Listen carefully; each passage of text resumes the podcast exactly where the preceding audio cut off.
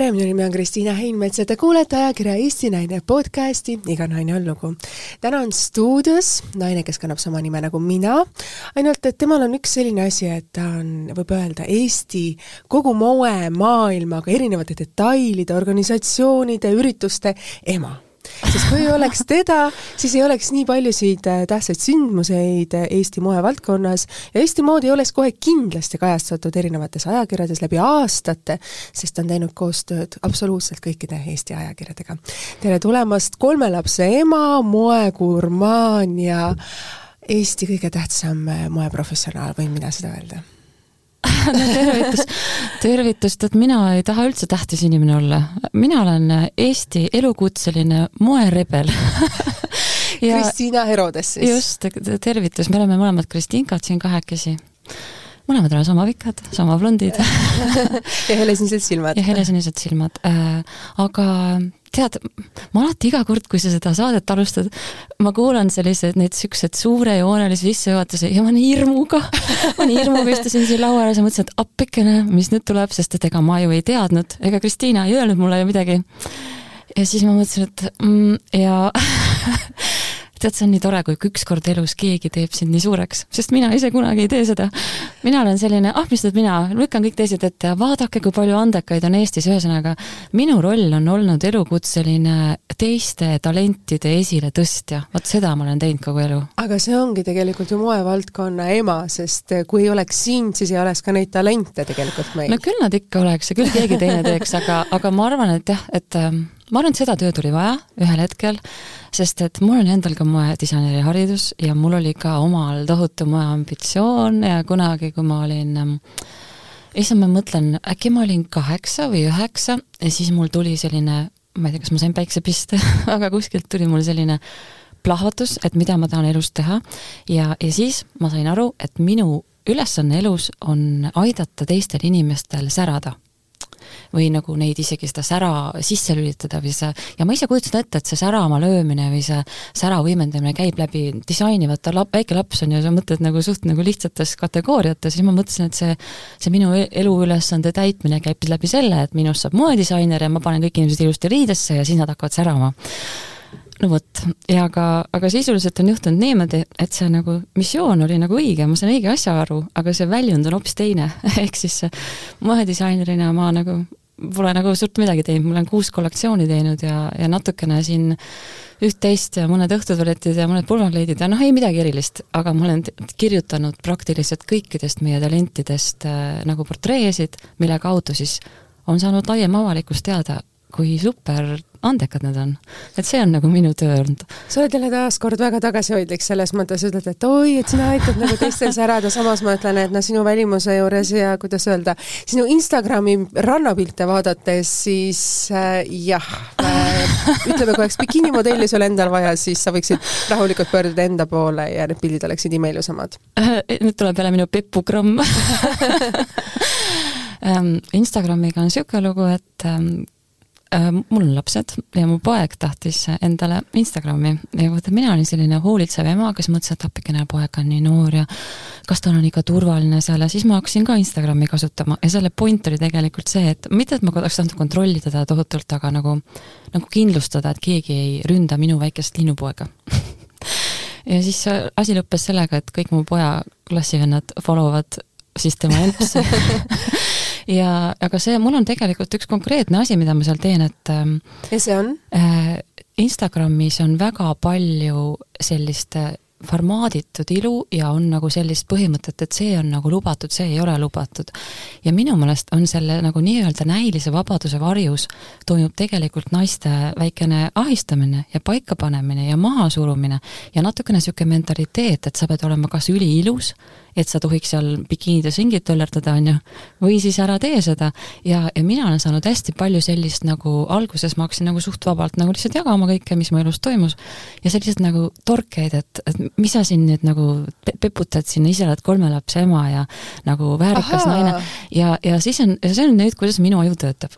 ja siis, kui sa mind sorgid siis ma vot just seda teen. seda protesti ja, ja mitte, mitte isegi protestiks, aga see minu point on väga lihtne, kui mina olen nelikümmend viis aastat vana, ma ei, ma ei söö tervislikult, ma ei tee korralikult trenni, mul on jumala suvaline kolme lapse ema, täiesti suvaline keskmine naine ja mina luban endale, mida ma tahan ja minu point on nagu näidata kõigile naistele, et õu, sa ei pea üldse mingi ilus olema, sa võid ju olla suvaline nagu Kristinka, kõigile on kõik lubatud. ma tahan olla nagu see elav märklaud, kes, kes siis nagu laseb teistel ka vabam olla. sest minul ei tee see mingisugune suvaline äh, noh, ütleme juhusliku inimese juhuslik kuul, see on mulle täitsa ükskõik, ma tean, et see on nagu, see on tema enda maailm, millest ta räägib, need on tema hirmud, mida ta väljendab, no see ei puuduta mind.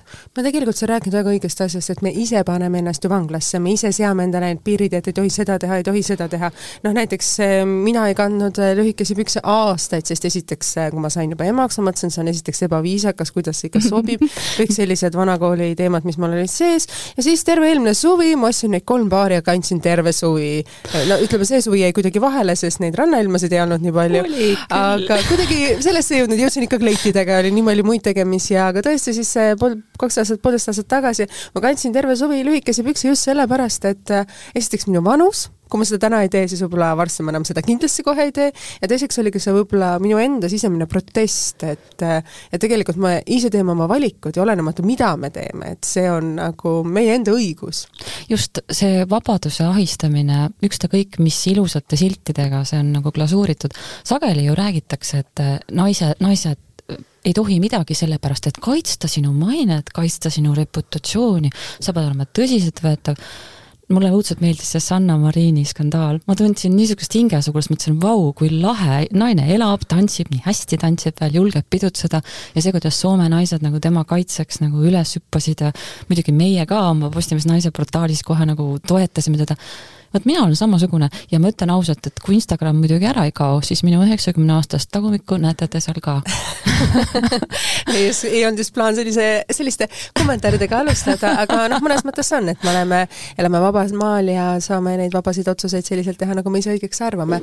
me sattusime ka siin saate alguses rääkima hästi palju sildistamisest mm, -hmm. et mhm. meie Eesti ühiskond on selline sildistamist armastav ja tihtipeale, nagu sa just enne ka mainisin, hoitakse tugevama poole, et kuidagi mm -hmm nagu sellise tugeva identiteedi või tugevuse mm, austamise kultus on meil. jaa, ma olen ise seda märganud, meil on äh, hästi nagu võrd-, võrdsus on alati nagu selline ainult paberil elus seda ei ole mis on lubatud meestele, ei ole lubatud naistele, mis on lubatud äh, mõnele noorele, see on kohe nii, kui sa vähegi oled nagu küpsem, nii see keelatakse ära, nii kui sa oled ema, siis hakkab kohe mingi kaksikmoraal.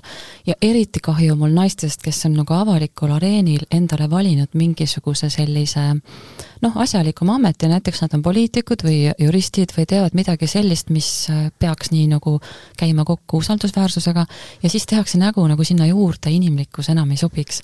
mis on minu meelest hästi ebaõiglane, sellepärast et kõik me jääme inimesteks ja kui me oleme inimesed, jääme veits nagu naljakad ja ebatäiuslikud ja see on ju minu meelest usaldusväärsuse lisa, mina usaldan näiteks äh, oma raha ka inimese kätte, kes pidutseb ja seksib ja kellel on nagu ka lõpuspool olemas.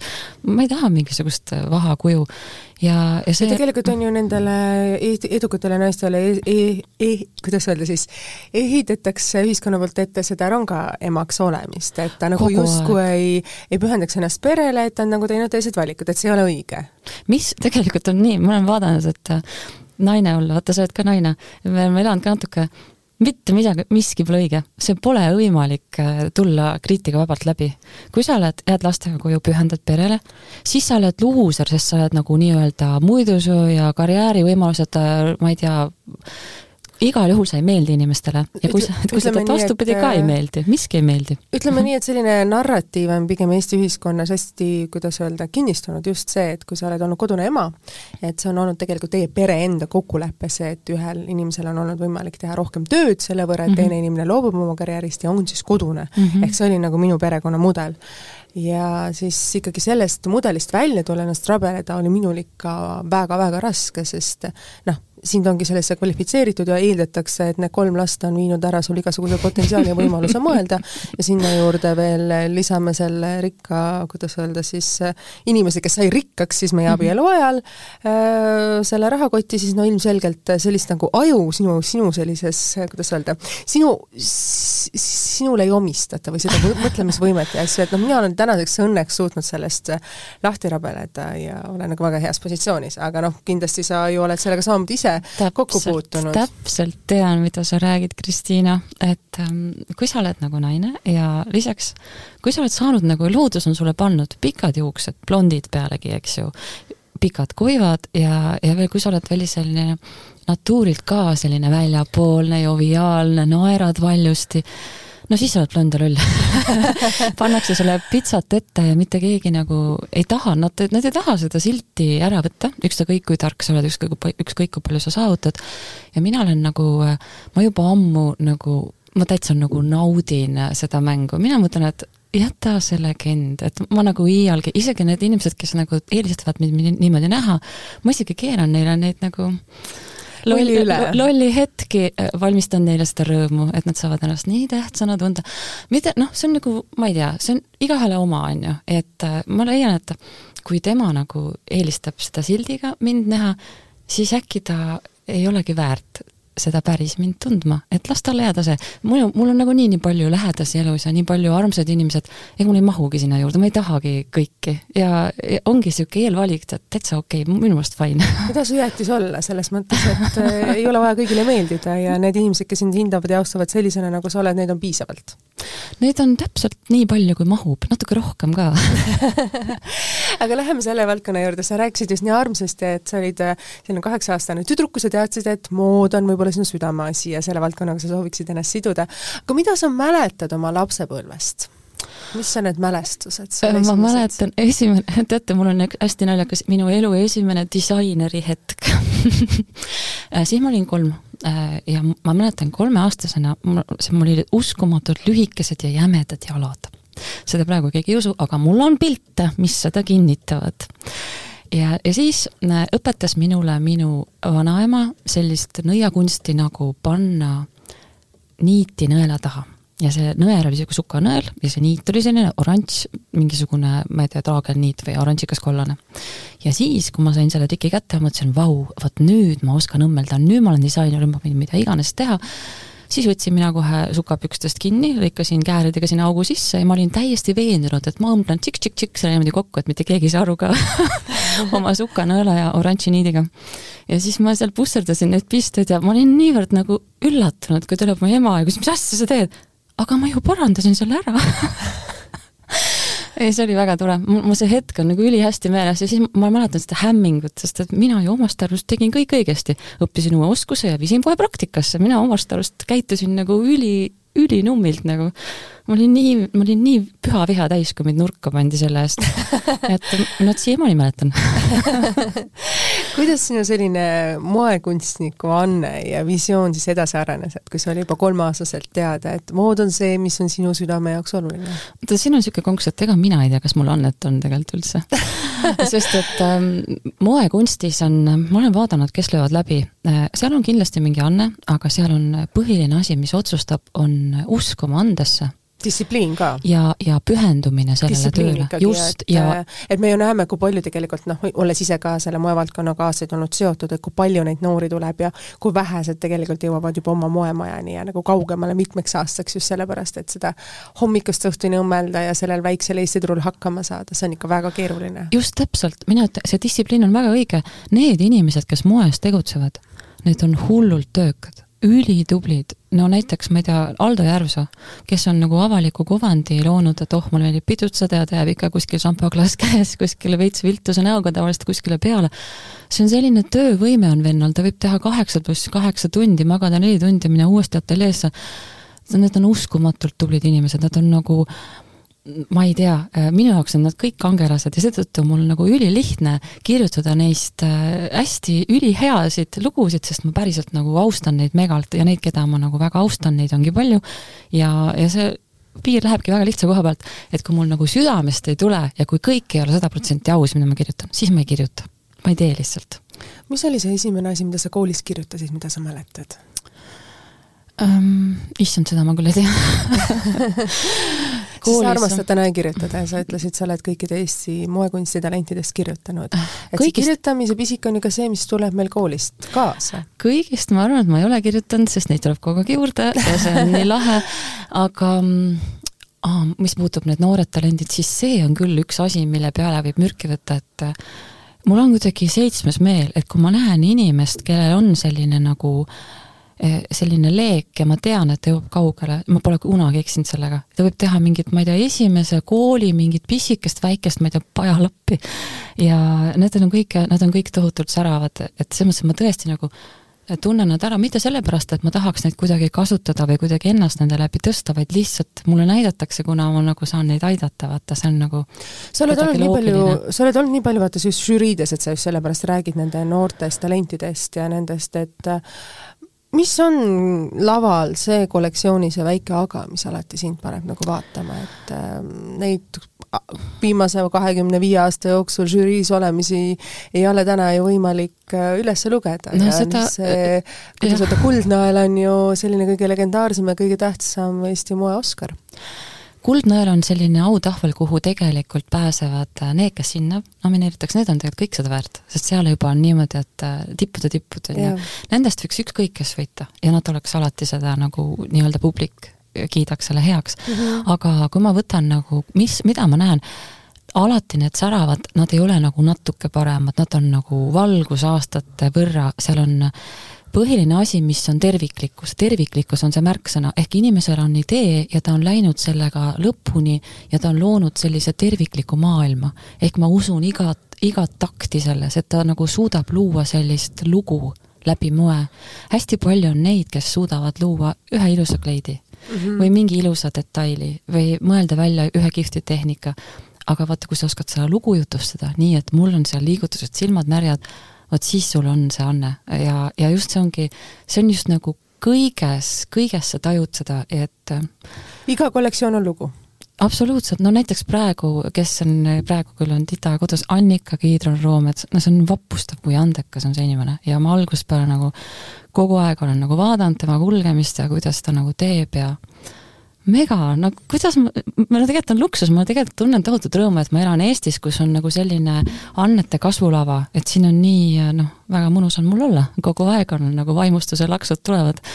kui sa olid teismeline, see on selline rebelaeg mm, -hmm kus siis uksi paugutatakse. mina tegin eriti moekunsti valdkonnaga kindlasti neid eksperimente tegid sa palju, kui sa juba kolmeaastaselt tegid oma esimesed katsetused, siis ma kujutan ette, et teismeeas oli see kasvulava igaõhtune reede diskole minek, et mida sa mäletad ise sellest ajast ja mis olid võib-olla need reeglid, mida su ema tollel ajal rääkis ja mida sa oled täna kindlasti emana üle võtnud ja räägid oma lastele? mitte üldse niisuguseid jutte ei räägi, nagu minu ema rääkis.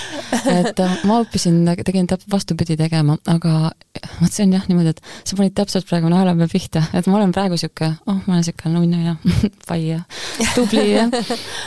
Teismelisena jaa, ma olin täielik mössaja, ses mõttes, et äh, ma olin ju kak-, kak-, kolmteist, kui ma kasvasin oma praeguse pikkuse täis. Mm.. ja kui sa oled pikk ja, ja, tean, tean. ja lisaks noh, ma olen ka madala häälega ja ma olen ka nagu, äh, kuidas ma ütlen, ma olen nagu alati olnud ülienesekindel. Ja, ja ma lihtsalt sirge seljaga sammusin diskoteegi uksest sisse, on ju, ja siis, kui turvamees tuli nagu minu teisi alaealisi sõbrannasid ukse taha saatma, siis astub Stinka seal niimoodi rahulikult, küsib, et vabandage, noormees, kas teil oli mõni probleem mitte kunagi ei ole, ei ole ma jäänud ühegi peo ukse taha, aga seda pole hiljem ka juhtunud, sest ma alati kuidagi igale poole saan kas sa täna lubaksid oma kolmeteistaastasel tütrel minna Hollywoodi klubisse? no muidugi, las vaatab. see, selles mõttes, et oh. inimesed on ju targad, et sa ju saad aru, et sa, mida, noh, sa teed, see loomaaia orienteerumine läheb kiiresti nagu nii-öelda käppa, et sa näed ära, kes on ohtlik, kes on turvaline, kes, kellel on mis plaanid, see on niisugune nagu inimeste lugemise kiirkursus, see on väga hea. et mina olen ise hästi palju käinud väljas, hästi palju pidutsenud, äh, kohutavalt palju äh, lasknud endale jooke osta, mida ma pole joonud, vaid mida on, mida on siis äh, igasugused lilleputid saanud nautida. et inimesed on päris targad, et midagi väga, minuga ei ole kunagi midagi juhtunud, et mitte ühtegi korda ei ole olnud olukorda, kus ma ähm, ei oleks nagu osanud õigesti valida või siis, kui ma ka panen puusse, siis ma olen ikkagi osanud äh, ennast välja rääkida.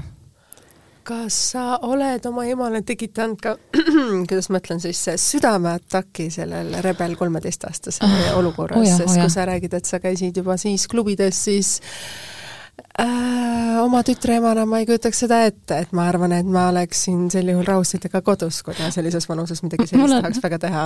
mul on tütar praegu kolmteist, just see kuulab kodus, ütleb näeme, näeme, et mul on, mul on ilgelt lahe lõuapoolik tütar, see on nagu sihuke, ütleme niimoodi, et kui minul on see hea rääkimistalent, siis sädel on korda sada, aga noh, lapsed peavadki paremad olema. aga noh, ütleme niimoodi, et äh, mis seal oli, leidsin oma esimese boyfriend'i ja ema arvas, et äh, ikkagi nagu sellise püsisuhte värgi jaoks on nagu vara. kui vana sa olid ah,? siis oli, see oli veits hiljem, kuusteist või seitseteist äkki või tead, jah, pigem seitseteist isegi ja see, see oli aega hiljem, mul olid ennem niisugused lühiajalised ja, ja siis äh, ja siis äh, ja õudselt lahe oli ju, käid käsi käes ja ma ei tea, kuu paistab ja sina seal suudled kuskil kastani all ja kuidagi no jube äge on ju. ja, ja siis äh, ema arvas, et nagu nii äge ei ole, võiks ikka ööseks koju jõuda ja mina leidsin, et see on minu isikuvabaduse tohutu piiramine ja ma jõudsin siis järeldusele, et aga kui sa nagu ei lase mul normaalselt elada, siis ma lähen üldse minema ja ma lasingi jalga kodust. kui vana sa olid? äh,? olingi seitseteist ja kolisin oma tolleaegse boyfriend'i juurde, kes oli tohutult õnnes selle peale, kus noh, ta oli veits vanem ka, ta oli vist kakskümmend. Ja, ja siis äh, see oli nagu mis klass sa olid? tead sa, seda ma ei tea, aga ma mäletan, mis riideid ma kandsin. Ma olen, ma olen seda valget miniseelikut hiljem proovinud, kurivaimne oli, oli ikka väga väike number. See ei lähe mul selga, aga mulle meeldib ta. Ja ta on mul alles. aga seitseteist, issand, ma ei tea. kusjuures kõige, kõige naljakam sealjuures, et ma olen alati suutnud olla veel nagu selline tubli õpilane, kellel on alati kõik hinded ülihead ja ma ja noh, ühesõnaga jätnud nagu seal, kus on vaja, ma olen ikka niisuguse normaalse inimese mulje suutnud jätta. nüüd ma räägin siin kõike, aga noh, see on ammu, pole hullu. ühesõnaga, kõik, kes on veits nagu napakate lastega kursis, neist võib peaaegu asja saada sina oled siis üks nendest näidetest? no vot, ja siis äh, kolisime, kolisime tema juurde ja siis äh, ja kõik tundus mulle nii lahe ja mulle tundus, et oh, näed, ma nüüd kontrollin oma elu ja ma olen nüüd täiskasvanu ja jube nagu joovastav on see see illusioon, loomulikult see pole tõene, midagi tõest seal pole ja, ja siis, siis see Armand äh, Kutt siis räägib oma siis sellisest tohutuse vaimustuse paha, palangus siis puistab südant, milline ilus elu meid ootab. ja siis ta kirjeldas, et kui hea meil siin on nüüd kahekesi olla, et päeval korjame kirsse õhtul vaatame telekat. ja siis, kui ta selle oli ära rääkinud, siis ma mõtlesin, oh, minu unistus see küll ei ole ja siis ma läksin õnneks koju tagasi mis oli sinu unistus siis seitsmeteistaastaselt, kui sa said aru, et kirsside korjamisega sa ei taha tegeleda? telekat ma ei vaata ka, mulle ei meeldi telekat vaadata. aga ma ei tea, siis äh, jah, mul oli, ma tahtsin tegelikult lihtsalt seda vabaduse tunnet. Äh, mulle ei meeldinud see piiramine, seepärast et meil oli nagu vanematega mõnes mõttes nagu eluterve kontakt, et ma ütlesin mm, -hmm. et kuule, et ma luban, ma neid asju ei tee mm. -hmm. ma, ma nagu pean piiri, et ma, noh, ma võtan vastutust, on ju, ma, ma ei ole kunagi suitsetaja, ma pole elu sees ühtegi ainet teinud, on ju ma olen kokteile praktiliselt ainult nuusutanud, sest see tollel ajal oli kuidagi niisugune kohustuslik, et naistele ostetakse jooke, no sa ei saanud tollel ajal öelda, et sa just sang apelsinimahlaga vist oli? mina ei tea, ei roheline asi selle oranžiga kokku. mina olin titt ja ma ei joonud neid jooke päriselt, sest tema ema ütles, et ära joo ja mina ei joonud, aga noh. ma tean, et mul lihtsalt tuttavad jõid, et minu, minu jaoks see värv võib-olla ei sobinud no vot, et selles mõttes, et ma ütlesin, et kuule, ma ju pean oma sõna mm. -hmm. et miks sa nagu, miks sa üle kontrollid, miks sa nagu ei usu. ja siis, kui ma koju tagasi läksin, siis, siis oligi nagu edasi oli, oli meie suhted nagu korras, sest et mind kunagi enam ei keelatud. usaldus on see, mis on vanematel vaja omada oma laste suhtes. jah, aga ma ei ole ka seda kunagi nagu kuritarvitanud. aga noh, siis vedas, ütleme nii, et mul on kaks õde ka, üks on vanem tema, tema ei tohtinud mitte midagi, tema tuli kogu oma selle noorpõlve tuli kuidagi sellise viielise viksina läbi ja ja ta ei olegi kunagi käinud väljas. Ja aga nooremal ajal oli, temal oli juba kõik lubatud, kuna kõik vanemad ehmusid nii ära sellest, et ma olin niisugune mäss. ja siis temal, kuna kõik on lubatud, siis ei ole ka enam huvitav nii et mina olengi ainult, äh, ka ainult ohjeldamatult äh, väljas ja kohutavalt palju tantsinud ja, ja praktiliselt pole ööklubi, kus ma poleks roninud mööda seinu ja, ja kõik, kõik puurid ja postid ja everything kõik läbi pöörutanud, et mulle õudselt meeldib tantsida. mis on võib-olla selline kõige ekstreemsem asi, mida sa mäletad oma sellisest teismeeast, et tollel ajal oli ikkagi Eesti selline ähm, reglementeerimata maailm, kus olid veel teinekord selline katse-eksitus ja tugevama jõud, et kuidas sa nagu, mida sa nagu ise mäletad sellest, et oli mingeid raskeid olukordi, kus sa pidid nagu no, võt... välja laveerima või mille üle su ema oli šokis? no vot, see oligi see, et mina tegelikult tulin suht äh, hästi läbi, et noh, ütleme niimoodi, et kui sa lähed klubisse, äh, siis on ju, sa näed ära, kes on kes, on ju Need on, alati klubides on need nii-öelda need laiad lehed, kes nagu kohutavalt nagu nii-öelda käristavad välja ja kingivad parfüüme, kes on niisugused nagu laiavad oma rahaga. ma ei oska rääkida, ma ei käi klubi, ma ei Võt, käinud klubides ma ei oska mina, rääkida. mina hoidsin niisugustest eemal alati, kuna mulle kuidagi üldse ei meeldinud see ja, aga ma lihtsalt tean, kuna mul sõbrannas, on juhtunud igasuguseid asju ja aga neid ma ei saa kahjuks rääkida, kuna need on nagu nende elud, ma ei tea, kui palju nendel see on lubatud, aga noh, igasuguseid ekstreemsusi on juhtunud minu väga lähedalt kõrvalt, nii et Mähmeale kaheksa peole. ja, ja see on, see on valikute küsimus, aga mina tegin alati kõik endast oleneva, et kaitsta neid ka, et umbes, et see noh, ma ütlen, et kuule, see poiss mm,, see ei ole nagu, ära taga jama, ära mine, ütle ei, kas oli ka tugevama jõudu, et äh, lihtsalt tüdruk rabati ja oligi kõik ja sa ei saanud vastu mitte midagi ja ei olnud kuskilt abi küsida, sest jõuga, äh, jõuga ei saa jah, aga aga sa saad nagu kavalusega või noh, kuidagi alati, alati, kui loll, lollis olukorras aitab üllatus minu meelest jube hästi, kui sa reageerid kuidagi moel, mida sinult ei oodata. sellepärast, et kõik rünnakud põhinevad äh, soovil tunda üleolekut ja, ja selle aluseks on see, et teine kardab. ja kui sa, kui sa kardad kedagi, siis tema saab seda üleoleku laksu, on ju, ja siis tal on kuidagi korraks nagu tema väike hirmunud ego tunneb ennast kõikvõimsana. ja siis tal on hea meel ja siis ta noh, jätkab seda, aga kui sa ei karda, siis juba see on ebameeldiv, on ju. siis sa käitud kuidagi ettearvamatult, siis ta ei oska üldse enam käituda. ja siis ta tavaliselt läheb, läheb minema, jätab su rahule. see on selline nartsissistlik äh, ego ma ei tea, mis seal on, aga ma, ega ma ju ei olnud tollel ajal psühholoogiast, ma ei teadnud ju muhvigi, ega ma ei tea praegu ka aga räägin ikka. aga, aga noh, mingil määral ju vast aitab sind, et äh, see noh, aga see, see on mul eluaeg olnud, et ma nagu äh, õudselt hästi nagu näen inimesi ja ma näen nende kavatsusi ja sa tunned inimeste ja tunnetan, hinge ära? tunnetan nende sagedust ja, ja plaane ja ja see on olnud mul lapsest peale et äh, see, ma arvan, et see ei ole üldse midagi üleloomulikku, ma arvan, et kõik naised tegelikult äh, omavad seda seitsme, ma, sa vaatad mulle otsa, sa tead, millest ma räägin. ja me tegelikult teame naistena ja me mõnikord äh, me teame midagi ette ka, aga me ei taha teinekord ka uskuda, me tahame uskuda seda paremat, seepärast et inimesel on võimalus kasvada nii ja naapidi. Ja tahame loota, et äkki ikkagi ta valib selle parema, aga vahest ei vali. Ja tegelikult me teadsime ka seda, et vot see ongi, kui ei valita seda õiget suunda ja ei valita seda nagu õiglust. et sellega leppimine võtab aega. sellega, ei selle, mina arvan, et õig-, õiglusetusega ei tohigi leppida ja see, et ole leebe, ära tee konflikte, ole niisugune armas tüdruk, kes kõigile meeldib, vot see aeg on läbi, et see aeg võib-olla mõne naise elus on see, on neid hetki ka, kus meil ei ole nagu seda selgroogu, aga mina usun sellesse, et enda eest seismine on nagu igaühe kohus ja, ja me ei saa maailma paremaks, kui me seda ei tee. põhiseaduslik õigus seista iseenda eest ja oma vajaduste eest ja öelda välja oma sõna, sest ka meil Eesti Vabariigis kehtib sõnavabadus, ehk ei saa mitte keegi öelda ja keelata, mida me soovime öelda.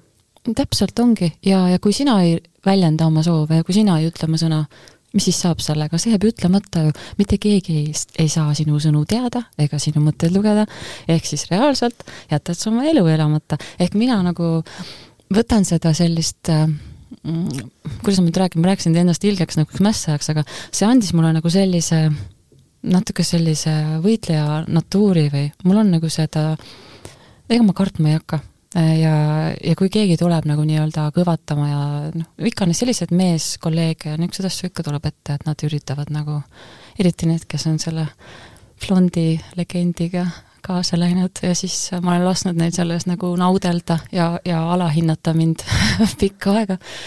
aga kui ühel hetkel on tarvis ennast maksma panna, siis loomulikult ma teen seda kui sa mõtled tolle ajastule peale, et ikkagi sulle anti, vanemad andsid sulle väga suurt vabadust ja usaldasid sind, aga mis on need ema õpetussõnad, mida sa oled ise alati, hoiad oma südame lähedal ja teadsid ka ise lap-, emaks saades, et sa tahad need sõnad just oma lapsele edasi anda? Äh, ma niisugust sõnade kaupa ei teagi. võib-olla mingid laused või asjad, mis meile kõik jäävad? mul on ausalt öeldes üks, äh, üks asi võib-olla, mis hoopis isa ütles mulle mm. -hmm. aga asi ei ole selles, et mitte ema poleks mulle öelnud, vaid mu ema on tegelikult äh, äh, surnud natuke üle kahekümne kahe aasta, ehk me pole nagu pikalt suhelnud ja seepärast nagu ei tule nii kiiresti mulle nagu need lingid ja eks ma olen natuke sihuke äh, ega nagu, nagu tavaline inimene, et äh, ega see leinaga tegelemine, see mulle nagu Mm, ega ma ei oska seda ma ei, ma ei, ma ei ole sellega nagu nii-öelda hakkama saanud, et selles mõttes, et ema nagu selle faili avamine on mulle nagu siiamaani raske mingil põhjusel. aga isa ütles mulle, et sul on elus vaja tegevust ja liikumist, et see on nagu vundament, et tegevus ja liikumine, et nii kui sa jääd, jääd tegevusetuks ja jääd seisma, siis elu läheb sinust välja. jube hästi on see öeldud minu meelest seepärast, et elu armastab tegutsejat ja liikujat ja, ja mu laps on praegu kaheksakümmend pluss ja hommikul hüppab äh, jalgratta selga ja sõidab kolmkümmend kilomeetrit ja wow., ja ta on nagu, ja ta on nagu selline väga sihuke reibas äh, härra ja, ja kui ma tulin iidsel ajal pidudelt, siis äh, isa alati mängis seda mängu, et mu armuga teeb boyfriend tuli ukse peale, tal on pats, on ju, ja siis ta näeb, noh, ta nägi eluaeg nagu väga-väga noor välja ja siis tollel ajal, noh, mis ta võis neljakümnendate kandis olla, ta nägi välja nagu väga palju noorem ja pime oli ka. noh, kus sa siis nüüd olid siis tibukene ja viskas siukest nalja iga kord aga need on ilusad mälestused. jaa, ja mu paps on siuke ka, ta on, ta on ka siuke rebel tüüp aga mida su ema ütles, kui sa olid sellistes keerulistes olukordades, sa ütlesid, et sul on valus selle ema faili avamine aga.... no vot, seal on, tegelikult oli niimoodi, et Miks? minu vanemad, kui ma nüüd, meil oli niisugune hästi lahe kombo kodus, nad on nagu loomingulised, meil on nagu natuke nagu hipi vibe, et meil on nagu loomingulised hästi lahtised, aga teisest küljest nagu konservatiivsed. ja ega seda tohutut vabadust, ega nemad ei plaaninud kedagi niimoodi kasvatada nemad plaanisid hoopis teisiti, turvaliselt mind kasvatada, aga lihtsalt ma ei aktsepteerinud seda, nagu nemad plaanisid. mina tahtsin täit vabadust. sinu täisvabadus viis sind õppima Eesti Kunstiakadeemiasse koos Eesti tänaseks suurimate moekunstnikega, kes, kelle nimed on põhimõtteliselt, võib öelda, iga moeajakirjas olnud juba aastaid, et te olite kõik koos, seal oli oma kommuun ja see kommuun on mõnes mõttes täna siiamaani kokkuhoidev no see on jah lahe, et see ülikooli põhipoint on, ongi need peod ja sõprussuhted. Jälle pead. Kristiina, kas sa oled elus midagi muud teinud ka või sa räägid, et mul oli see pidu ja see pidu ja see pidu, sest äh. sest noh, tegelikult see on valdkond, mis ei paista välja, siin paistab välja sinu kirjutused, sinu artiklid, sinu saated, see, et sa oled ka ema oma kolmele lapsele, kellega sa väga palju kogu aeg tegeled ju. See tegelikult on kõik õige, aga mulle pidutseda ka väga meeldib. ja, ja ma ausalt ütlen, et äh, ülikoolis, kui sa reaalselt mõtled, et mis on see sinu kapital, mida sa saad sealt ellu kaasa võtta. üks on need teadmised muidugi mm, -hmm. aga täpselt äh, sama, äh, samasugune osa on suhted, inimsuhted, kontaktid on tohutu kapital. neljas jalg selle laua all on elamused ja, ja siis see viimane on ebaõnnestumised. ebaõnnestumised on tohutu väärtusega. ja mina olen tegelikult alati nagu kuidagi nagu näinudki seda pilti niimoodi. meile räägitakse, et pühendu õppimisele ja anna endast kõik ja, ja lase, lükka enda intellektuaalselt oma aju nagu tasakaalust välja ja kui sa tuled niimoodi ainult õpid nagu ogar, on ju, kunagi kontakte ei loo, puusse ei pane, ämbrisse ei astu, siis see kapital, mille sa ellu astudes kaasa võtad, on ühekülgne. ta on väga hea võib-olla, aga see aitab sind vähem. et mina olen nagu alati pidanud seda, seda tervikut silmas ja ma oma lastele ka räägin niimoodi et alati ei võta aega oma sõprade jaoks ja isegi kui sa selle võrra natuke vähem õpid, suuvad, suhted on tähtsad. suhted on hästi olulised. kui sa mõtled oma selle ülikooli aja peale, et ähm, sinu kursusekaaslastest said väga head ja väljapaistvad moekunstnikud ja sina oled olnud siis mõnes mõttes nende tagantlükkaja nagu aastaid juba ja sa teed seda tööd sa siiamaani, et kuidas nagu sina ise langetasid selle otsuse, et ma õpin küll moekunsti, aga ma tunnen, et see ei ole päris minu oma, aga ma armastan seda valdkonda ja ma tahan kuidagi sellesse teistmoodi panustada? tead sa, ma vist otseselt niisugust otsust kui sellist ei olegi kunagi teinud, aga kuidagi ma vaatasin, et vaata, inimesed alati nagu mingitel hetkedel sa nagu lihtsalt hästi realistlikult hindad mm, -hmm. milles sa oled hea ja kui sa oled hea nagu viies-kuues asjas, siis milles sa oled kõige parem ja milles oled ainult sina hea, sa nagu vaatad seda, seda nagu lihtsalt niisugust la laia paletti, on ju. ja kui sul on nagu kümme inimest, kes on kõik andekad disainerid ja ainus, ainult üks tüüp, kes suudab selle nii-öelda ära seletada, mida nad teevad, siis loomulikult ma tundsin, et seda on vaja rohkem teha. ma nagu ei ole, võib-olla ma ei, ma üldse ei nagu pea seda plussiks, sest et äh, ma arvan, et mul ei ole moedisainerile sobivaid isikuomadusi.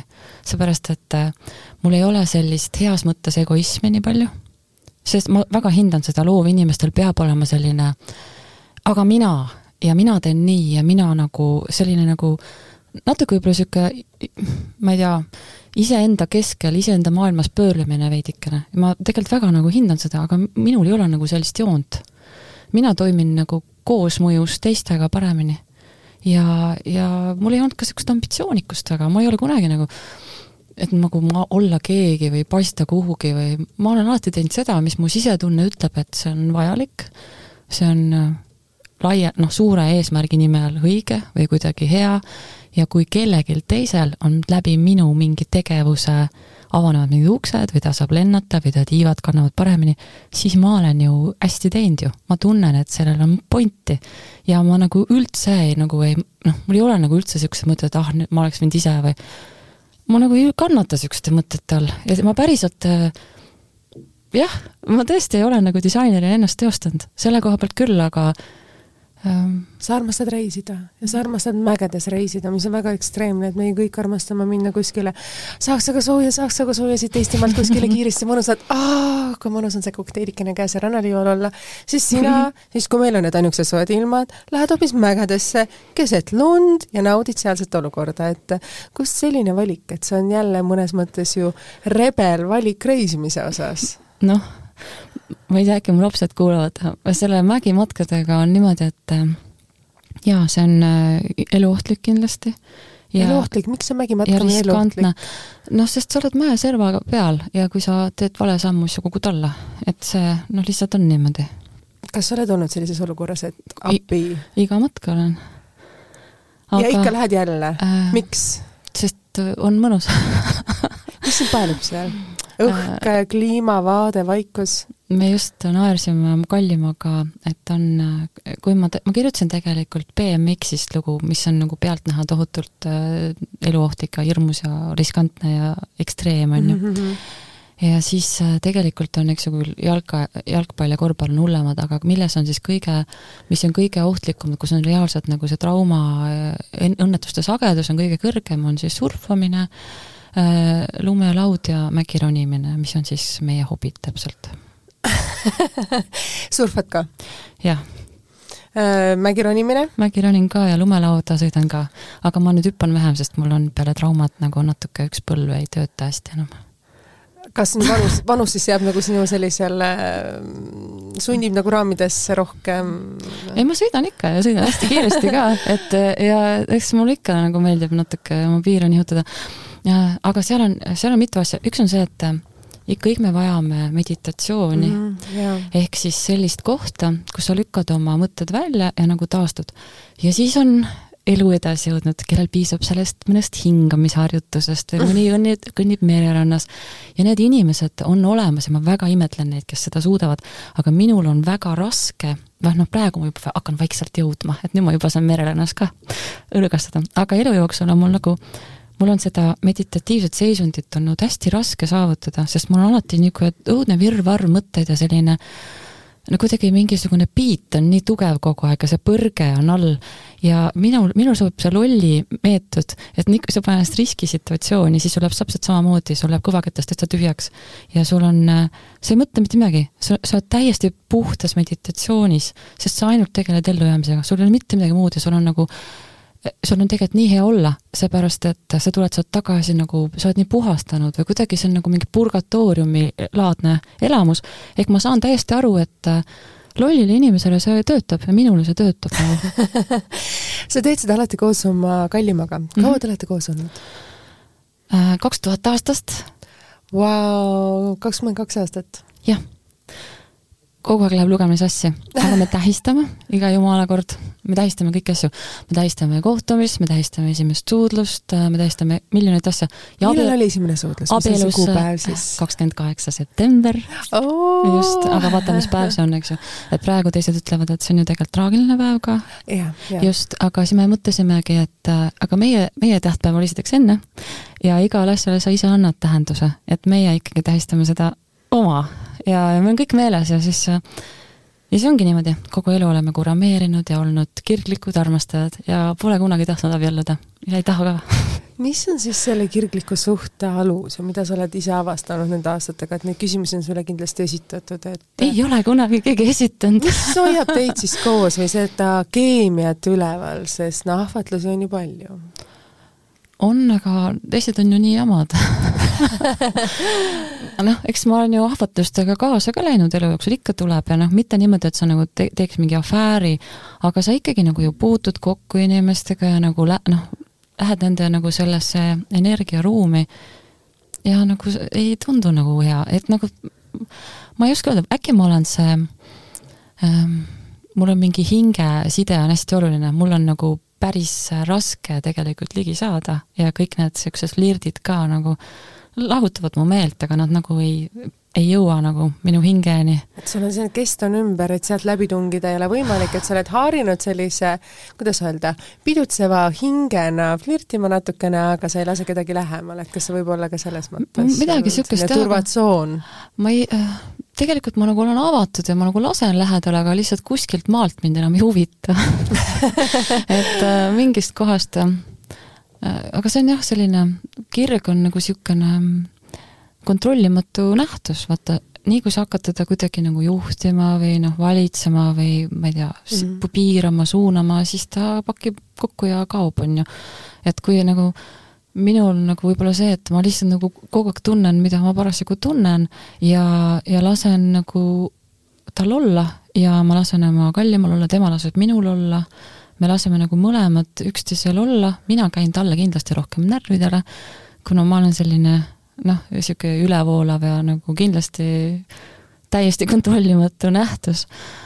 ja, ja tema ei käi mulle üldse närvidele, tema mulle meeldib igas, igaspidi mis on see hetk, mis sinu kallim sulle tehes sult alati jalad alt niidab?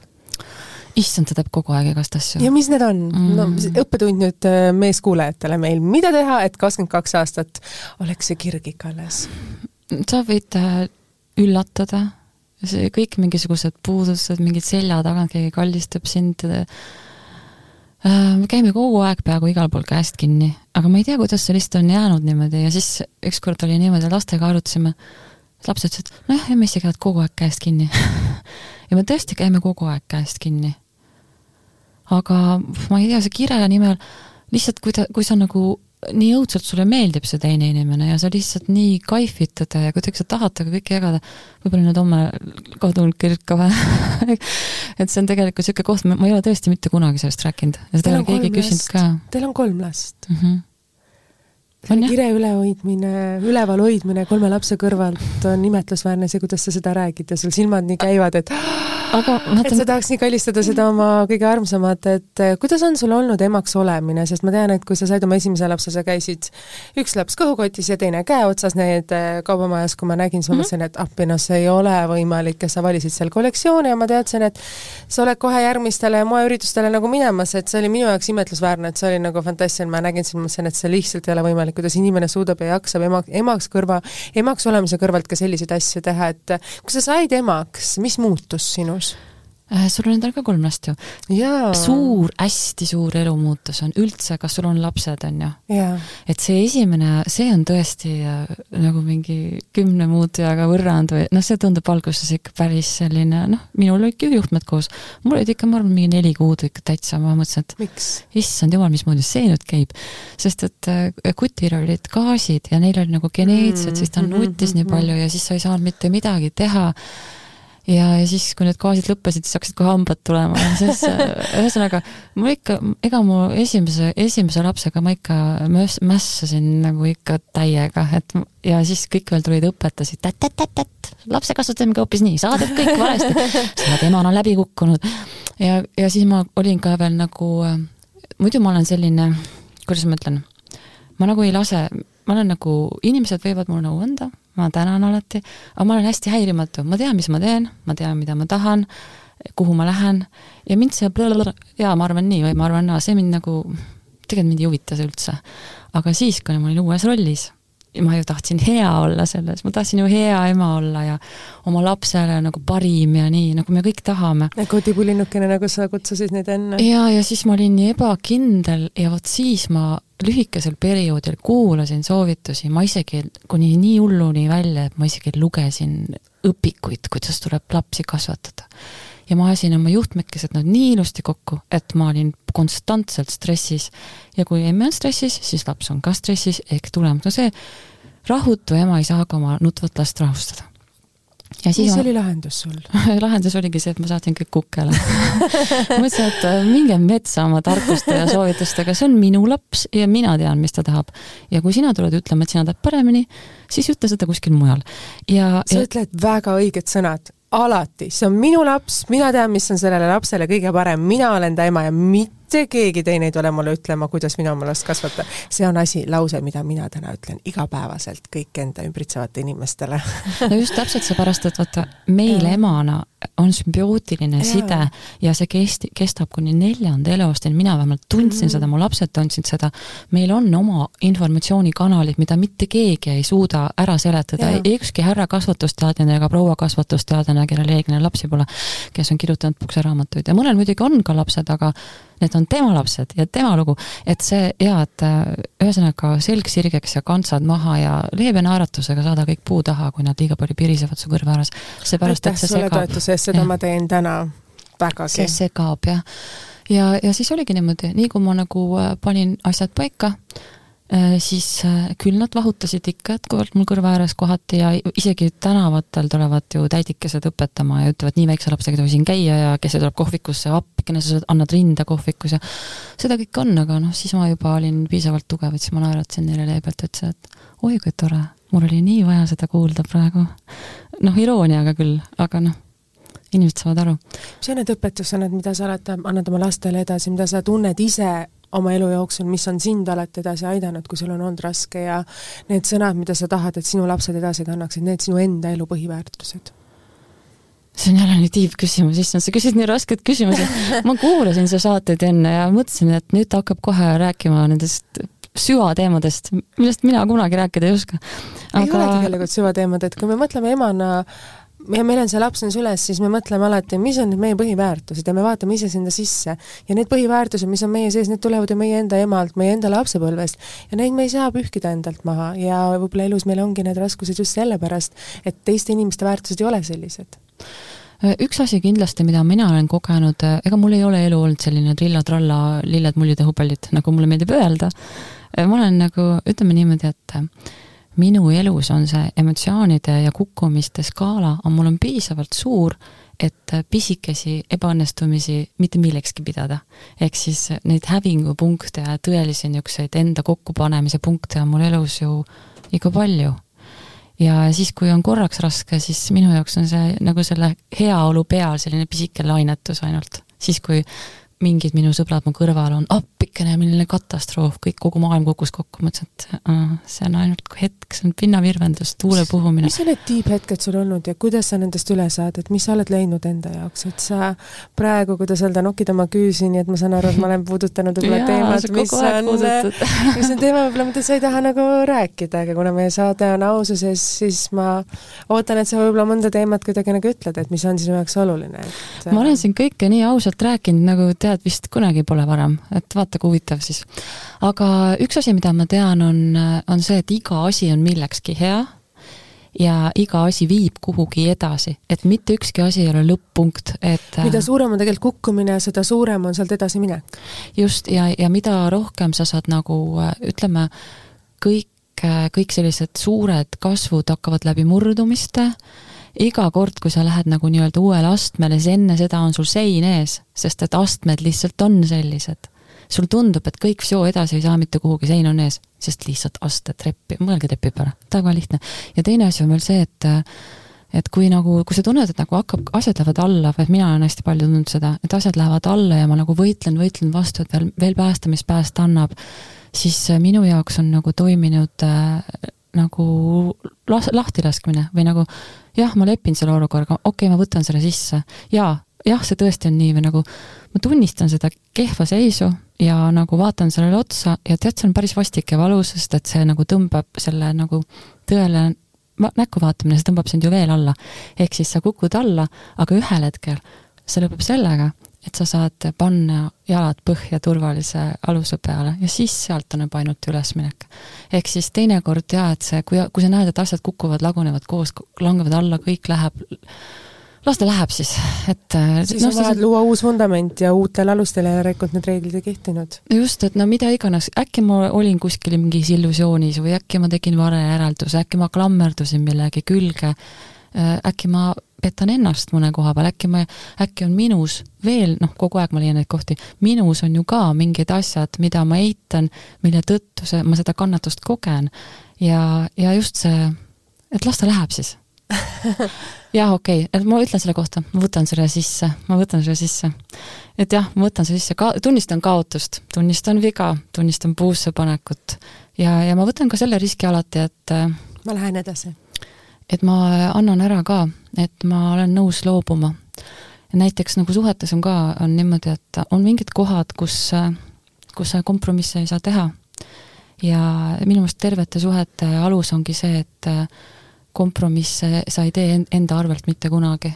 et mina olen väga sageli olnud, mitte väga sageli, aga ikkagi piisavalt sageli olnud ka sellises kohas, kus on, on mingisugune erimeelsus, kus nagu äh, see paindlikkus ei aita, et ma ei, no ma ei saa nagu, ma tahaks küll olla nagu vastutulelik ja kena, aga ma ei saa enda arvelt rohkem järelmisi teha, et siin on see joon ja nii on, äh, kui, kui me tahame, siis nii on, ma ei saa teisiti.